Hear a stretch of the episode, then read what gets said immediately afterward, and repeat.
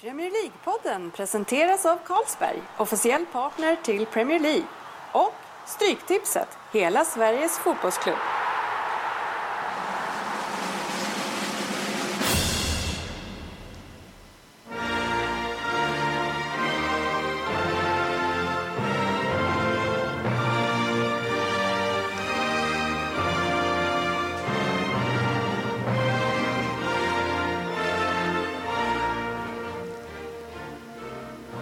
This is Premier League Podden by the fans for the fans. This episode is an interview with three former world class goalkeepers. We are mostly talking with one of the best ever, Peter Schmeichel, but also with the Swedish nationals Magnus Hedman and Rami Shaban. Many thanks to Carlsberg who made these interviews possible. They took place in uh, O'Leary's 12 and we recorded it with a live audience. Hope you will enjoy it the great Dane Peter Schmeichel.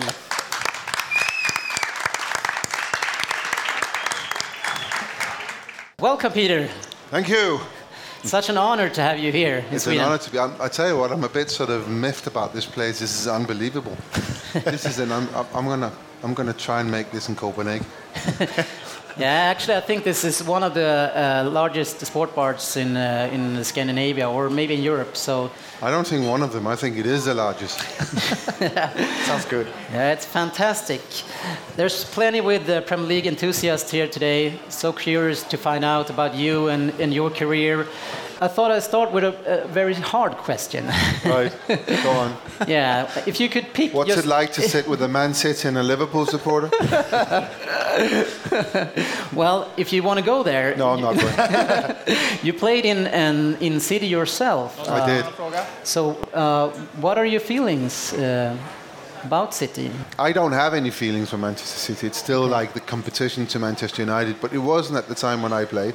Okay. Uh, and that was very important to me. Uh, I've been away from Manchester at the time for three years, uh, and we all wanted to go back and, and live in the area. Yeah. Uh, so that was, of course, a little bit of an opportunity. But main reason to do it in the first place was um, that I really wanted to work with Kevin Keegan, who was a manager at the time, uh, because my thoughts, you know, I was coming towards the end of my career, and my thoughts were that I want to I wanted to carry on. I want to go into management, and mm-hmm. um, obviously working with Sir Alex for so many years, I had loads of inspiration from from what he was doing. But Kevin Keegan at the time was the other one who was known for doing things in a different way, inspiring his team to do um, better things that they really were equipped to do. Mm-hmm. Um, and basically, that was my main reason to go there. Okay. Yeah. Um, I, am going to get back to that, that hard question, and uh, so that, that, was, was the easy one. yeah, that was the easy one because you you had an amazing career, and uh, the thing I wanted to ask you was uh, if you had to pick one of your memories, which one would be the greatest? Definitely not losing 1 0 to Sweden up here in 92. we were crying in the dressing room. We, we thought we, were, we played Sweden off the park. Yeah. We yeah. honestly did think that we should have won that game. But um, Thomas Brolin, he thought otherwise. He scored, and we, yeah. we thought we were out of the competition. But uh, all is forgotten now. But yeah. 1992, um, winning the European Championships in, in Sweden was uh, an incredible thing to experience for for uh, a small country like Denmark and a player for a small country like Denmark to, to get to that kind of height mm-hmm. is is uh, it's in many ways it was unreal, uh, and even even talking about it, it comes back unreal. Yeah. Uh, but obviously, it, it's been more than 20 years, so we've kind of gotten used to the idea that we we, we did that, um, and also the way that we came into the tournament was um, very unexpected. Everything was unexpected. Yeah. Uh, but that, that is one massive, massive highlight in my career. Mm-hmm. And I always, I mean, I get this question quite a lot. So I've got mm. two more. One is winning um, actually, you know, that Premier feeling. We won the first Premier League.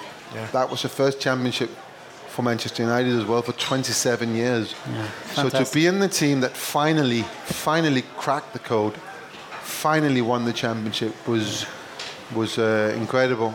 Um, the whole place changed. The whole emphasis of what we had to do from that point on changed. We became a winning club. We had proved that we could win, and we could now say things like, "We want to win in Europe" with credibility.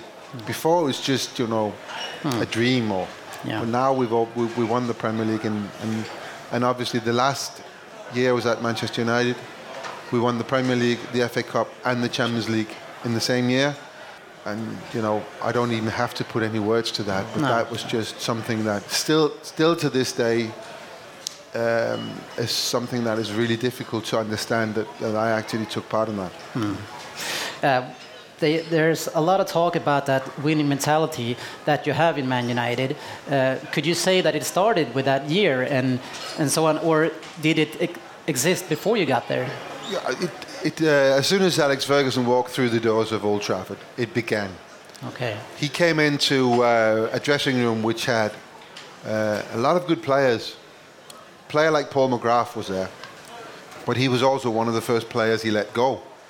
And Paul McGrath went, went to Aston Villa, and in this Premier League season, by the way, he became Player of the Year in, in England. He was seven times Player of Aston Villa, Player of the Year, an unbelievable player. But he was also someone who uh, who had personal problems. He was sort of the old type of of um, of player who went to the pub far too often, Yeah. drank too much, and he was. So Alex was trying to sort of change the whole culture of of uh, of not only Manchester United became the whole of England, but Manchester United. He wanted his players to be serious athletes, professionals, understanding that you know what you ate, what you what you drink, everything you did had an impact on what you did on a Saturday afternoon. So he was him and Norman, Norman Whiteside, you know, players like that were moved on. So it began. The winning mentality really began when he came through the door. And I'm, I'm watching this game now, the whole city, because Steve Bruce is the manager there, and he was the first player that Sir Alex signed. Um, and you know, the, the very first contact Steve Bruce had with the Manchester United squad was at Christmas party. Good stuff. True, he was, he was in the hotel, they had it. So he walked into the room, all his teammates were hanging from the ceiling. Okay. Uh, if we uh, back a little bit in time, uh, how come the decision to become a, a keeper?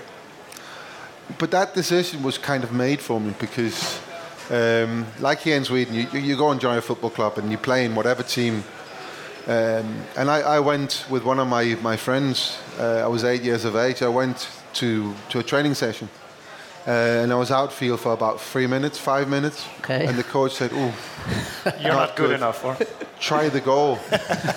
uh, so I never really had a choice. That, Okay. that's, and I liked the goal, and the goal liked me, and, and just took off from there. Okay. He must have been a pretty good- good coach. You were eight, and he saw that's a great keeper. Yeah, it's a good spot. You can see it in two ways. Yeah. Uh, being a keeper, I presume, is uh, much more an individual role in the, in the, in a team.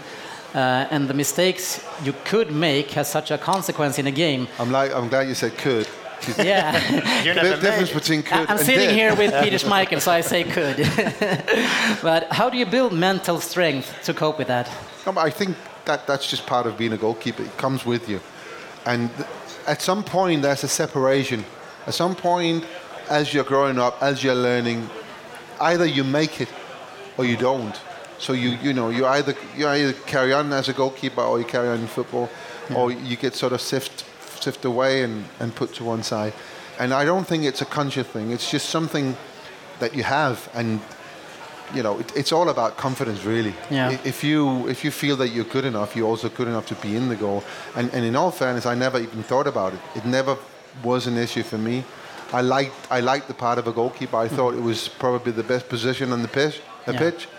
Um, and many people look at it and think, Phew, if you make a mistake. But I never thought about that. And and the truth is, I never made a mistake. Because if I admitted to make a mistake, I would go and think about that. So mm-hmm. even though I made the, Okay. the most obvious mistake in Yeah. the game, the next second, I've forgotten about it. I never made that mistake. Yeah, 'cause because reading- otherwise I, I make two or three. Yeah, reading Sir Alex's book, he pointed that out when he. I thought he said it was your first game or your second game, and he they came in across and you missed it and you lost the duel, and he and he just said, yeah, he will be he would be better off he just shakes it off. And he- Next match, next. But ball. that's what you have to do. You have to do that. If you if you if you don't have that ability, you you won't be a goalkeeper. Yeah. Uh, I've, I've heard a story from another interview where you, uh, you were going to a Champions League game uh, with, I think it was Brøndby against Porto, and you Yeah. were very nervous. Yeah. And you said that after the game you decided to never be nervous again. How can you just decide something Yeah, like but that? it was actually before the game. okay, you decided So before. this is my first game for Brøndby ever. I've got to come from another club called Hvidovre, uh, and uh, is in Copenhagen, and traditionally they played their games um, at seven o'clock Sunday evening to get people who's been to other games that was played at one o'clock, four o'clock to come and watch the, the games as well. So from leaving work on Friday afternoon till seven o'clock uh, on Sunday after uh, Sunday evening, I was nervous, so nervous, and my whole weekend was ruined, and you know, just just really really bad. And then we go to this game. It's a quarter final in the Champions League. My first game for Brøndby. we have this uh, bus ride with police escort. I've never ever you know experienced that before, and I'm scared. I'm seriously scared that we will crash. But I'm hoping, I'm hoping that we won't make it because I'm so nervous to go to this game. So I come to the stadium. There's, uh, it's a sellout. It's 80,000 people. Most I've ever played for is 7,000.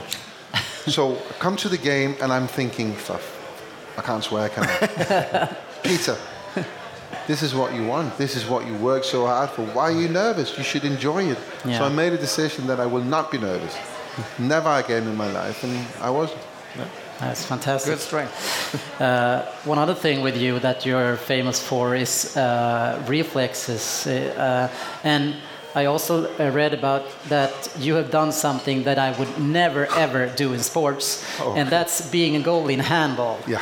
Because the only thing you want as a goalie in handball is to get hit by a, a ball who's very hard, and the players they throw it extremely hard and they try to get, get as close as possible. Mm. Why would you play as a goalie in handball?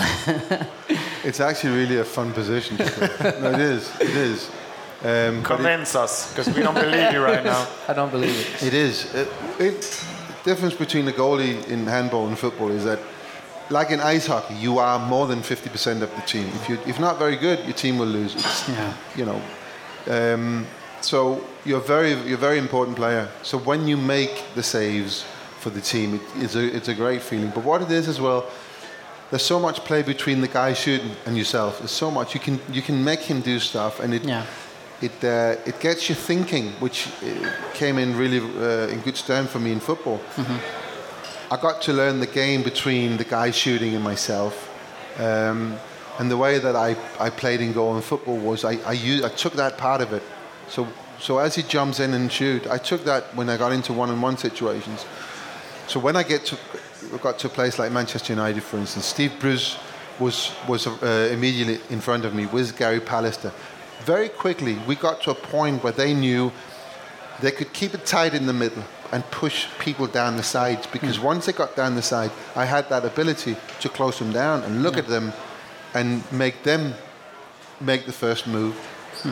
And when they make the first move, obviously I've got all the advantages. you Yeah. know. Yeah. So um, I took that from handball.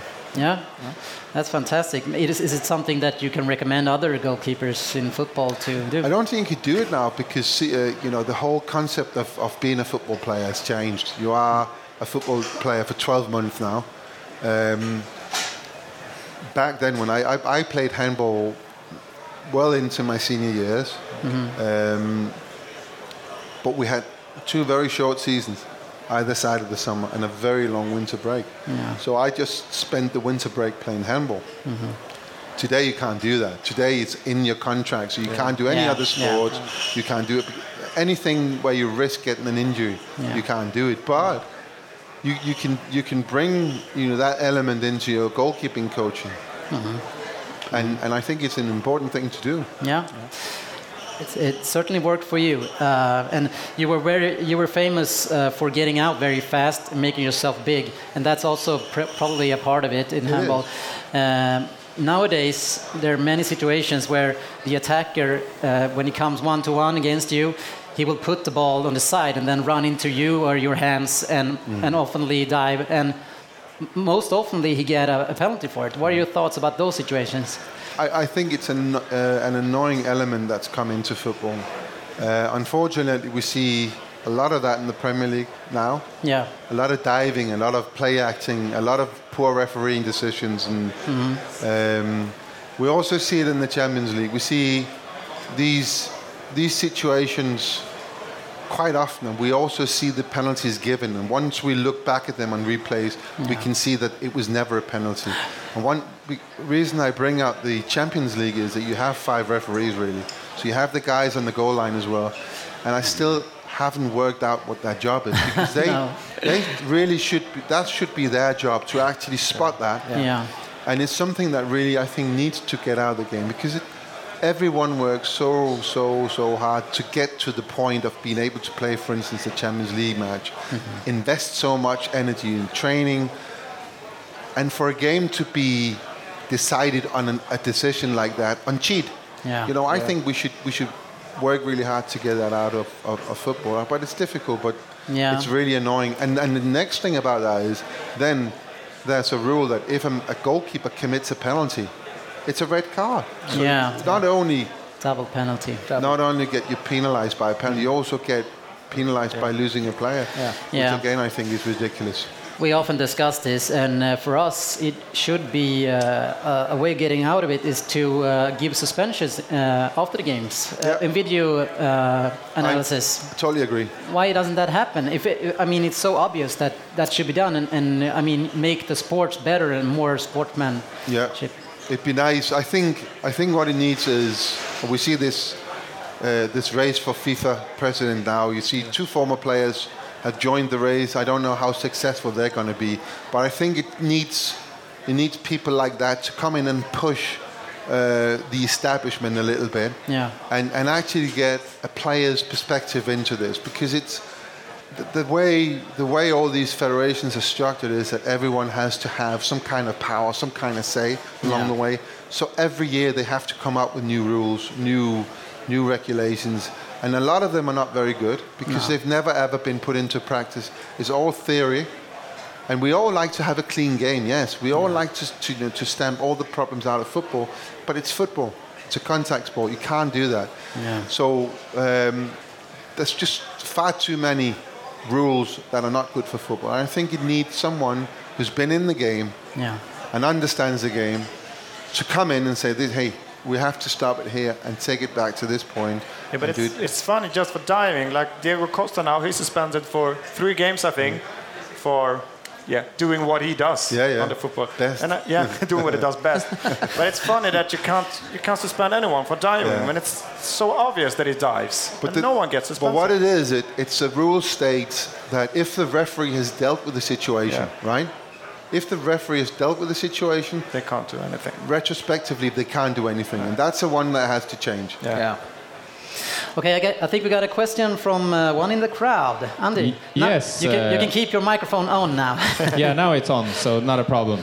Christopher here has a question for you, Peter. Yes, uh, Keep it Peter, clean. Uh, which is the three best players that you have played against? I think uh, Thierry Henry is one. So you answered. For, him. No, he's Only he, one. He doesn't come close. He doesn't come close. Cantona is one of them. I had, you know, he was at Leeds when he first came. He was, he was an unbelievable player to play against. Um, I played against Diego Maradona. Diego Maradona is, he's the best player I've ever played against in my life. Thierry Henry wasn't as good when I played as he became. At the time in Arsenal, they had Dennis Bergkamp, and I think Dennis Bergkamp, for me, in, in my active years, was a much better player than than uh, Thierry Henry was at the time. And I'm just I'm just thinking the top of my head here. Did I ever play against Thierry Henry at Arsenal? I definitely did when he was at Monaco. Okay, Okay. Yeah. thank you for the answer. So are you an Arsenal fan? yeah, of Uh, course. how did I guess? how did I know? But I, I think uh, it's too many people who forget Maradona. Uh, He's Yeah. get too much, too little attention nowadays. He was fantastic. Maradona is the best player this this planet has ever seen. Yeah, unbelievable. He went, he went, um, he went to Napoli, which at the time was it was very surprising that he chose Napoli. Yeah. And they were not a you know a brilliant team by any means, but they won the championship the two years he was there. Yeah. And also in 1986, uh, Argentina had a reasonable team, not not a great great team. Some great players, good players in there, but they had Maradona and. Yeah. In many ways, I think he won that world championship on his own, and no one else done that. Yeah, that was fantastic. Um, Man United bought you from Brøndby in 1991 for 500,000 pounds. Uh, Sir Alex Ferguson has described this as the bargain of the century. Um, were you uh, surprised, or what? And what were your feelings when the club got in contact with you and uh, told you that they wanted you to Man United? Well, there's a story behind that. Um, because in, in many ways they didn't pick me, I picked them. Okay. Because I had a Norwegian agent called Rune Hauge. I didn't have him. He came to me and, and you know, he wanted to, and we didn't have agents back then. So he came to me and said, I really want to work with you. And uh, we had a chat and he said, you know, what, what's your dream? What do you want? I said, I want to play for Manchester United. It's the only thing I want. And he said, I can work with that. and it took him 18 months for Man United to come with their first bid for me, which was in 1990. And my club, Brøndby, at the time, uh, didn't want to sell me. They were asking far too much money, and United wouldn't pay that. Um, so I had to wait another 12 months. Um, and it was very disappointed, and I thought that you know the opportunity had gone. But Alex Ferguson at the time came to Denmark and reassured me that he wanted to have me at the club. He seen exactly the goalkeeper that he wanted, so he was going to wait for me uh, for the summer to come back. So in a way, you could say that I choose. But my agent actually, you know, kept banging on the door, said, "Listen, you've got to have him." And they had me watch for nearly 18 months, and he was convinced that that was the guy that he wanted to have, and he was prepared to wait for me as well. So it wasn't like, oh. Here, here, wow, Man United. Wait, let me think about that. I kind of, kind of knew for quite a long time that it was coming. But why uh, you sound like you have been a Man United fan forever? All my how, life. How come Man United? When did it start? And how? You just knew? Uh, it, it's crazy because we know all the football we have on TV today. When I was a kid, there was no football on TV. The truth is that when I when I was watching sports on TV news, I had to watch Swedish TV. So I, I we could have we had Danish one Danish channel and two Swedish channels, and and, and obviously I understood about bandy and uh, langan and skiing everything because there was so much sport on t- uh, Swedish TV and nothing on Danish. But we did have in the winter we did have English football. And for some reason, Manchester United must have been one of the must have been one of the first matches I've seen. But they just there was something about them. Uh, and then it was just Manchester United. And at the time, it was Liverpool, it was Leeds. They were winning stuff, and Man Yeah. United weren't. Exactly. So most of my friends elites are Leeds or Liverpool supporters. Yeah, many many who started watching English football in Yeah. the 80s, they like uh, Liverpool or Everton, who Yeah. also were successful then. Uh, we were in, in uh, a little bit before about Alex Ferguson, but uh, of course he's one of the most successful managers ever. So we're very curious about him. How would you describe him as a manager, and also your your relationship to him? Ah, first, uh, my relationship is fantastic. It's always been fantastic. I, I think he is the outstanding manager in sport. I don't think anyone has done as well as he do, has.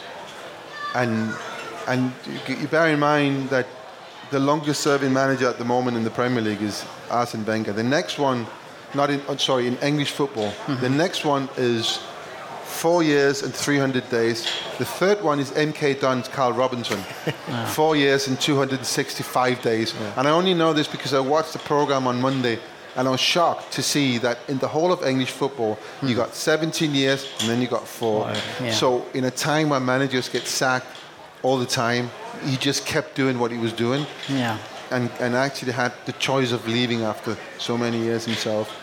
And it takes someone really, really special with a clear direction, uh, someone that the guys who owns the club, who actually sits on all the money, has completely trust in because it's a lot of money being turned over, a lot of money being spent in a football club.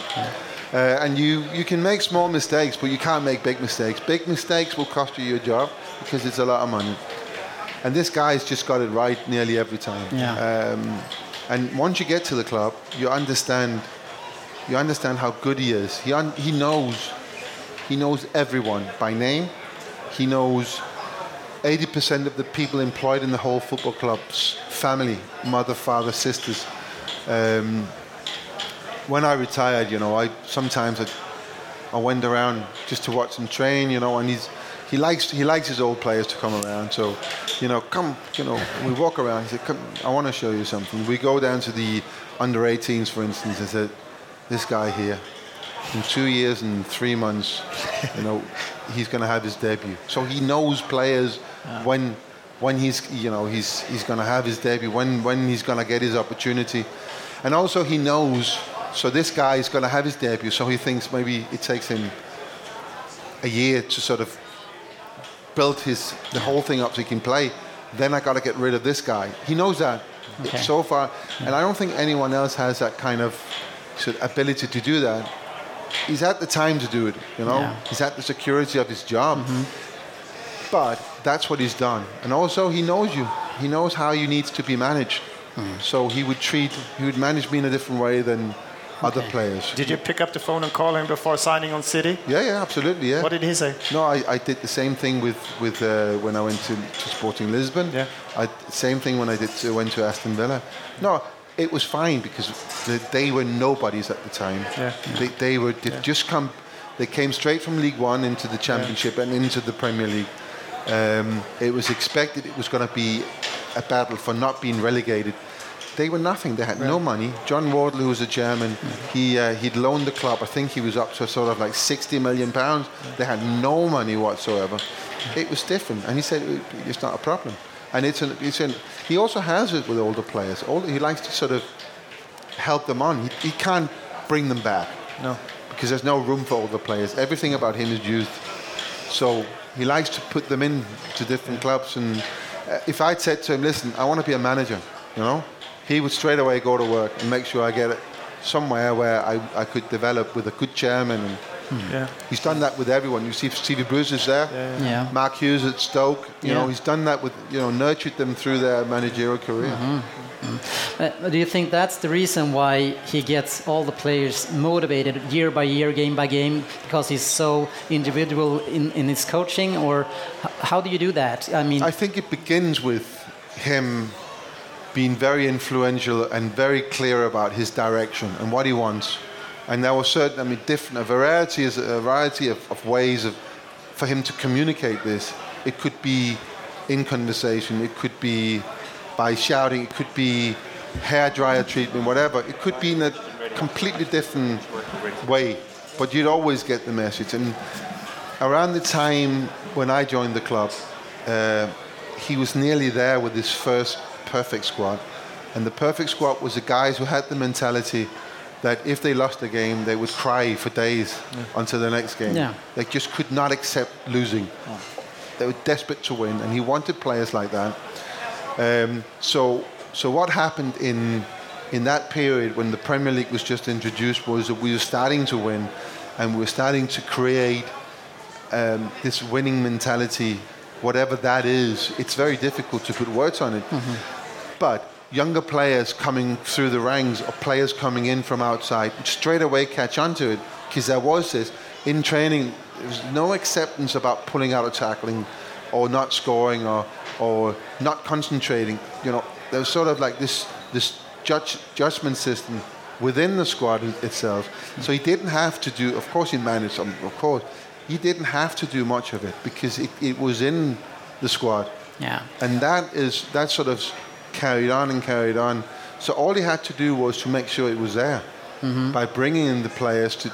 So Yeah. Okay. So it's how he chose the different Yeah. players with that winning mentality individually. I think we got another question. Uh, Andy, are you upstairs? No, I'm downstairs no, now. You're downstairs now. I'm uh, with Diego here. Diego. And he has a very interesting question that I would let's like to know let's the first answer and, as well. first and foremost talk about your penalty. Get that, please. Why? Um, I missed my first and I know you did. one penalty. So I was looking forward to your celebrations. uh, no, you see, you saw my cousin. I think he was. Uh, he was brilliant. He was dancing. Best celebrations. Yeah, yeah. yeah. uh, well, my question is, um, well, I remember the the Champions League final '99 like it was yesterday, was this crazy end and uh, the overtime goal. Uh, how did the team celebrate? Did you stay in Barcelona that night, or did you have Yeah, the we did. Or you had the flight over to Manchester the same evening? No, no, we stayed. Um, and the weird thing about this, I mean, bear in mind what that period was for the players of Manchester United. We, this was day number 10 of three big finals. We had the last game of the Premier League. We needed to win to win the Premier League, FA Cup final, and then the Champions League final. So it was a very, very intense period. And, and this is the God honest truth. I can't remember anything I can't remember anything, even the game. I don't remember the game. I, I know about the game because obviously I watched it back on video and I get tales of people's experiences, what we did. I, I know we stayed in Barcelona. The next thing I really remember is right at the end of the Open Tough uh, bus tour through Manchester, right at the end, we took the two trophies into, uh, or the three trophies, into the uh, Manchester Evening News Arena and, and presented that in front of 25,000. That's the first real memory I have. Everything else, I, I, I think my computer here up here just completely overloaded. Okay. Okay, thank you very much. Nice. thought we should talk a little bit about um the present Man United. Hmm. Um, um, you're uh, an ambassador right now for the club. Uh, does that involve any link with the club or management? Not not with with the footballing side. Um, I actually don't work as an ambassador now. I work the next level down now, which is called Legends.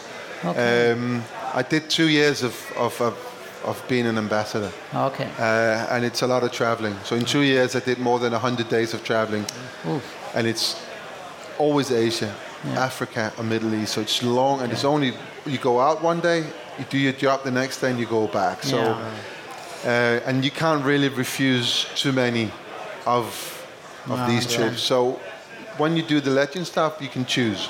So this we've we've quite a few of the ambassadors chosen to do that, which keeps us in touch with the club. Yeah. Um, but it's more than anything; it's a commercial thing.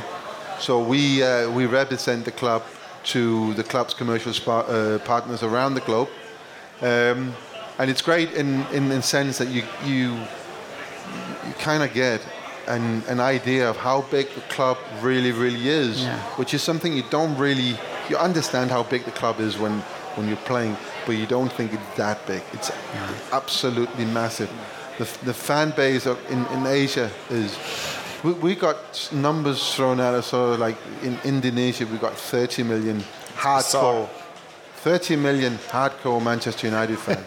30 million. Yeah, that's a lot. That's a lot of people. And, and when you get to a place like Indonesia, they'll, they'll come and greet, not the 30 million, but they will come come and greet you. You, when we've, yeah, I've, I've been to Vietnam, for instance, where I landed at like 2 o'clock in the morning and there's 400 people there, to, you know, coming to see me, which is just, a, you know, a sign of how big this football club Yeah. is. Um, but it, they need, they need to, they need to bring it back on track to stay that big. Yeah. So Yeah, I w- I was getting into that because in United standards, the two latest years has been pretty tough on them. Uh, during during the summer, you bought superstars like Di Maria and Falcao, uh, but still Van Gaal hasn't got. Uh, maybe it's a couple, but not more points than David Moyes did. Uh, how do you think the team is progressing under Van Gaal? No, we are progressing for sure. I think we're doing much better than than um, at, at points last season. This is this is a point where David Moyes probably felt so much pressure on his position that he started to do what managers under pressure normally do, is to sort of keep things tight, Yeah. not give any- anything away. That doesn't work for Manchester United. Manchester United, they have to go and try and win. If you don't, the fans will turn. And you have to win in a certain style. That's why the, the system debate is going at the moment. Yeah. And Van Gaal has been out today saying he's going to go back to 4-4-2. And if you look at Twitter, uh, the reaction to this statement is, you know, it's- statements like about, about bloody time and you should have done that from the beginning. And, Yeah. and this is, I think, something that Van Gaal has underestimated, how, how powerful the fans are and what they really want. And, and where should he get it from? Because he hasn't got he's got. I mean, he's got Ryan in there, but Ryan has been a player, and, and the players are always like that. As a coach, you got to be out there. Yeah.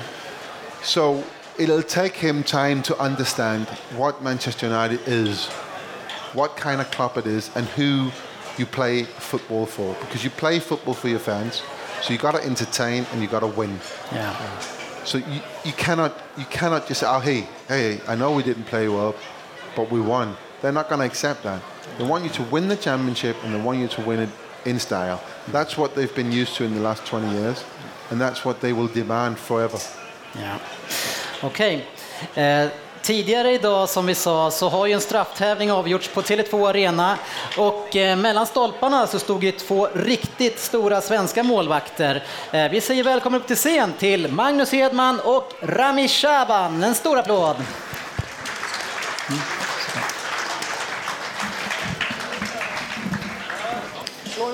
Slå er ner.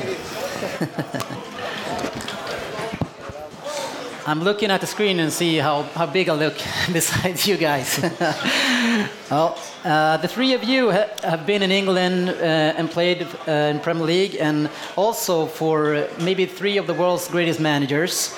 And we heard a little bit about Sir Alex, uh, but uh, Shaban, uh, in our podcast, we often question Wenger and his tactical. You, you question well, Wenger. Mr. Arsenal over here. Yeah. Uh, we often question his tactical skills. Uh, I mean, when you were there, you maybe you played in, in like the greatest Arsenal team ever. So I don't know if you needed so much tactics, but in recent years, you can't seem to win against uh, top four teams. What are your thoughts on that?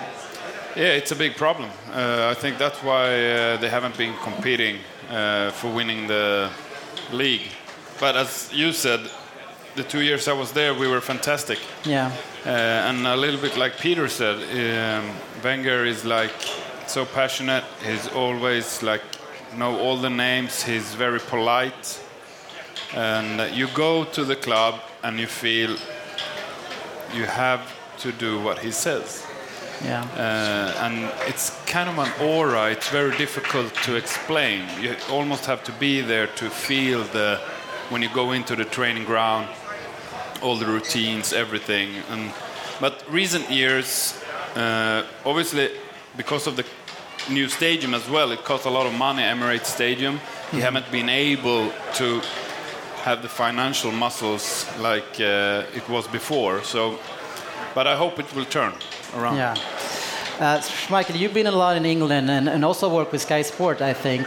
Uh, what are they saying over there about this and, and Wenger's uh, problems with beating top four teams? Is, is it a, tactical thing or is it just. Um, They- They're absolutely loving it because what it is, they, they, they finally get to have a go at, at, uh, at Arsene Wenger. Yeah. This is a guy who has basically, with no budget ever, yeah, he's produced some of the biggest players. We've, we've heard uh, Thierry Henry, yeah, but um, the Invincible team, you know, early early zeros, uh, the championships that he won. He's never really ha- had to invest too much money because he found the talent um, and he groomed the talent. But the game has changed since since Abramovich and since man, yeah, your club um, were taken over by incredible amount of money yeah, the- the whole competition for players has changed. The way you recruit players. So if you if you are short of a player, you just go and buy him because you've got unlimited money. Yeah. Whereas at the time when Arsenal was at at their best, you have to you, you actually have to produce the players and then only go and buy the cream, you know, the, the, the, the spice for the team. But the most of the players you have to produce themselves. And I think it makes for a little bit more real football. And, I, um, and, and I think in the long run, it, it, is, it is a much better thing for football to have it like that. Man City and Chelsea, they have two teams that could, you know, they could put 11 versus 11 on a Friday afternoon, and both of those teams could compete for the, uh, the Premier League title. And I think that's wrong. So, so your answer is that it's only because of the money, I and, think it, it's and it's not it's not Wenger. No, I agree 100%. Uh, and at the same time, of course, he has pressure on him because uh, they want uh, titles. Yeah, and uh, but that's why he's always out like I'm not gonna overspend. I'm like like I said earlier, the stadium costs so much money. Yeah. So he has he's stubborn in a good way. He think this is the way to go. The foot first of all the football and Arsenal is like his family. It's Yeah. like he don't he don't want to go from that comfort zone. He want to stay there and believes in what he does week in and week out. Yeah. Do you think Arsenal will have the same problem replacing Wenger as United has replacing Sir Alex? What do you guys think? Of course, of course. He have been there 17 years, so it's uh, gonna It's his be. club. Yeah, it is, and everything is run like I remember when I was at the club. The Emirates were just about to. He had a finger in everything, like the pitch, uh, the angles of the arena, so the grass is perfect. So of course, But i i history doesn't lie. It doesn't lie. This is what happens. Yeah. When you have someone in charge for that long, it's always going to be like that because for 17 years it's been built up. It's, it's not the players, it's not only the players, it's everyone. It's everyone at the club. Secretaries, all the office staff, it's a cleaners, it's a tea lady, it's everyone who's worked under Arsene Wenger. When someone new comes in, to begin with, they don't even know the people's names, you know. So it's a completely new new thing, um, and it upsets people. And when it, when you're upset, you cannot produce your best, and also it confuses people. And when you're confused, confused you can't produce your best. And this is what happens. And, it, and, and, and, and Man United is a living proof of if you if you get if you're let loose just for one season, it's so difficult to get the grip back on it. Yeah. Um, so it will happen. Arsenal going to struggle big time. That's why they shouldn't sack him. This is Yeah. it's, a, it's a crazy debate. I'm not arguing you. No. I'm not arguing. Uh, we also have Magnus Hedman here, of course, and you played first in, in Coventry, but you were also in Chelsea under the Great One. And uh, Jose Mourinho, he is perceived as a very protective manager and always drives the attention away from the team if you lose or whatever happens. But how does he act uh, within the team and behind the closed doors? Is, is it the same there? How, how does it handle the team? Well, the first thing I thought about when I um, when I first met him um, was his honesty. He's very, very honest to his players. He's not trying to cheat them or fool them. That you know, I can take an example. We were going to play Bolton and Man United away. It was a three three day spell, so we played Bolton on the Sunday, and we were going to play Man U two or three days later. And he started the meeting uh, to say, "Guys, this is shit." And we all looked at each other. What does it mean? Uh, well, we're going to do like this. We're going to go up the day before Bolton, play the game. We're going to stay in a hotel at Manchester um, until we play Manchester United. Uh, and I know this is shit because players are away so many so much during the season, so we want to spend as much time at home as possible. Yeah. Uh, but I said I do it because I want us to sleep well, train well together, eat well, focus on the game. Yeah. And then he's the, the first one to walk uh, onto the plane with a big smile on his face. So he's very honest. That's that's the first thing. Uh, yeah, he's protective. Um, he uh, said to me once, uh, "It's not about knowing tactics; it's about the knowledge of human science to uh, to become a great manager." In his opinion, Yeah. um, to have a s- specific relation with every single player because Yeah. they're, they're different human Like beings. Ferguson. Yeah. Like Ferguson. And um, tactically, he was fantastic. We played Man U in uh, Arsenal in the in the cup final and had a bad first half. He just went to the board, crossed over Makelele's name, a guy who's won the World Cup. Just crossed him out, gave him a high five. Bad day at the office. Okay, guys, this is what we're gonna do. And he gave us three points.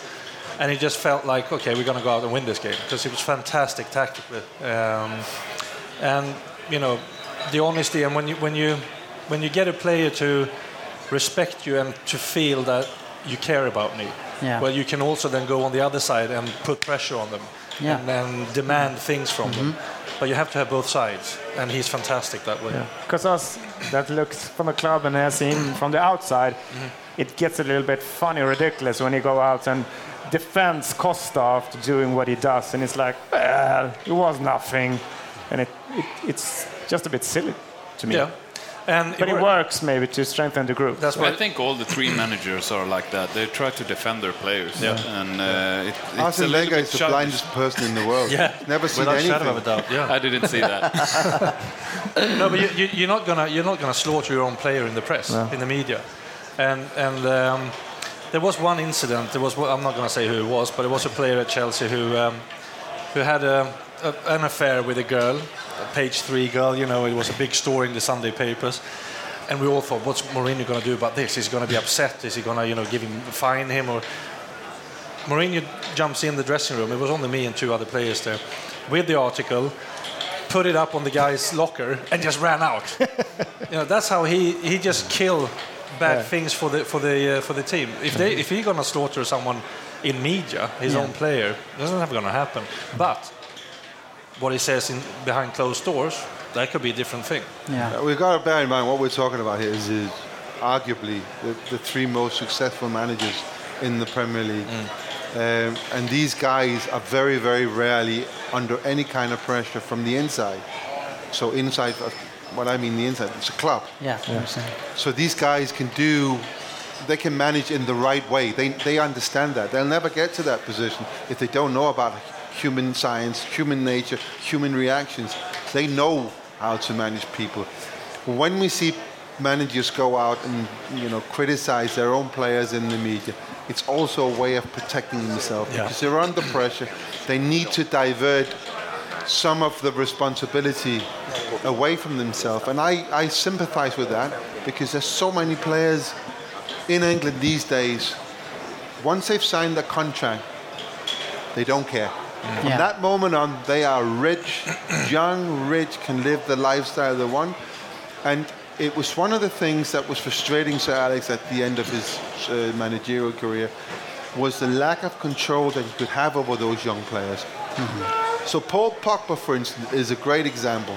It, it can go, it can turn out to be the most embarrassing story for Man United ever, that they give a player like that away to, to Juventus, but have to re-sign him for 50 million, and that is a possibility. That could happen.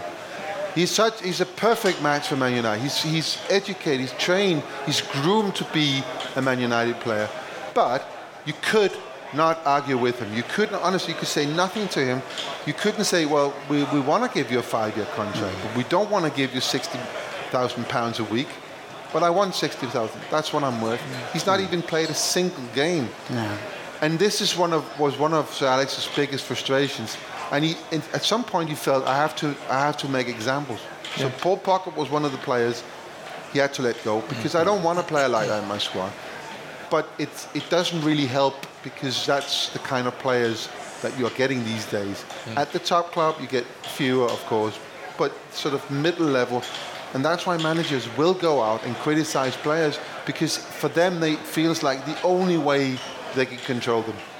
Okay. Uh, well, we uh, have to thank you for being here today. Great job at the Tele2, and also very nice to hear your stories about your time and your careers. Uh, so, uh, a big warm of, of applause for the three world-class keepers. Thank you very much. Thanks for listening to Premier League Podden. You can find us at facebook.com slash Premier League Podden.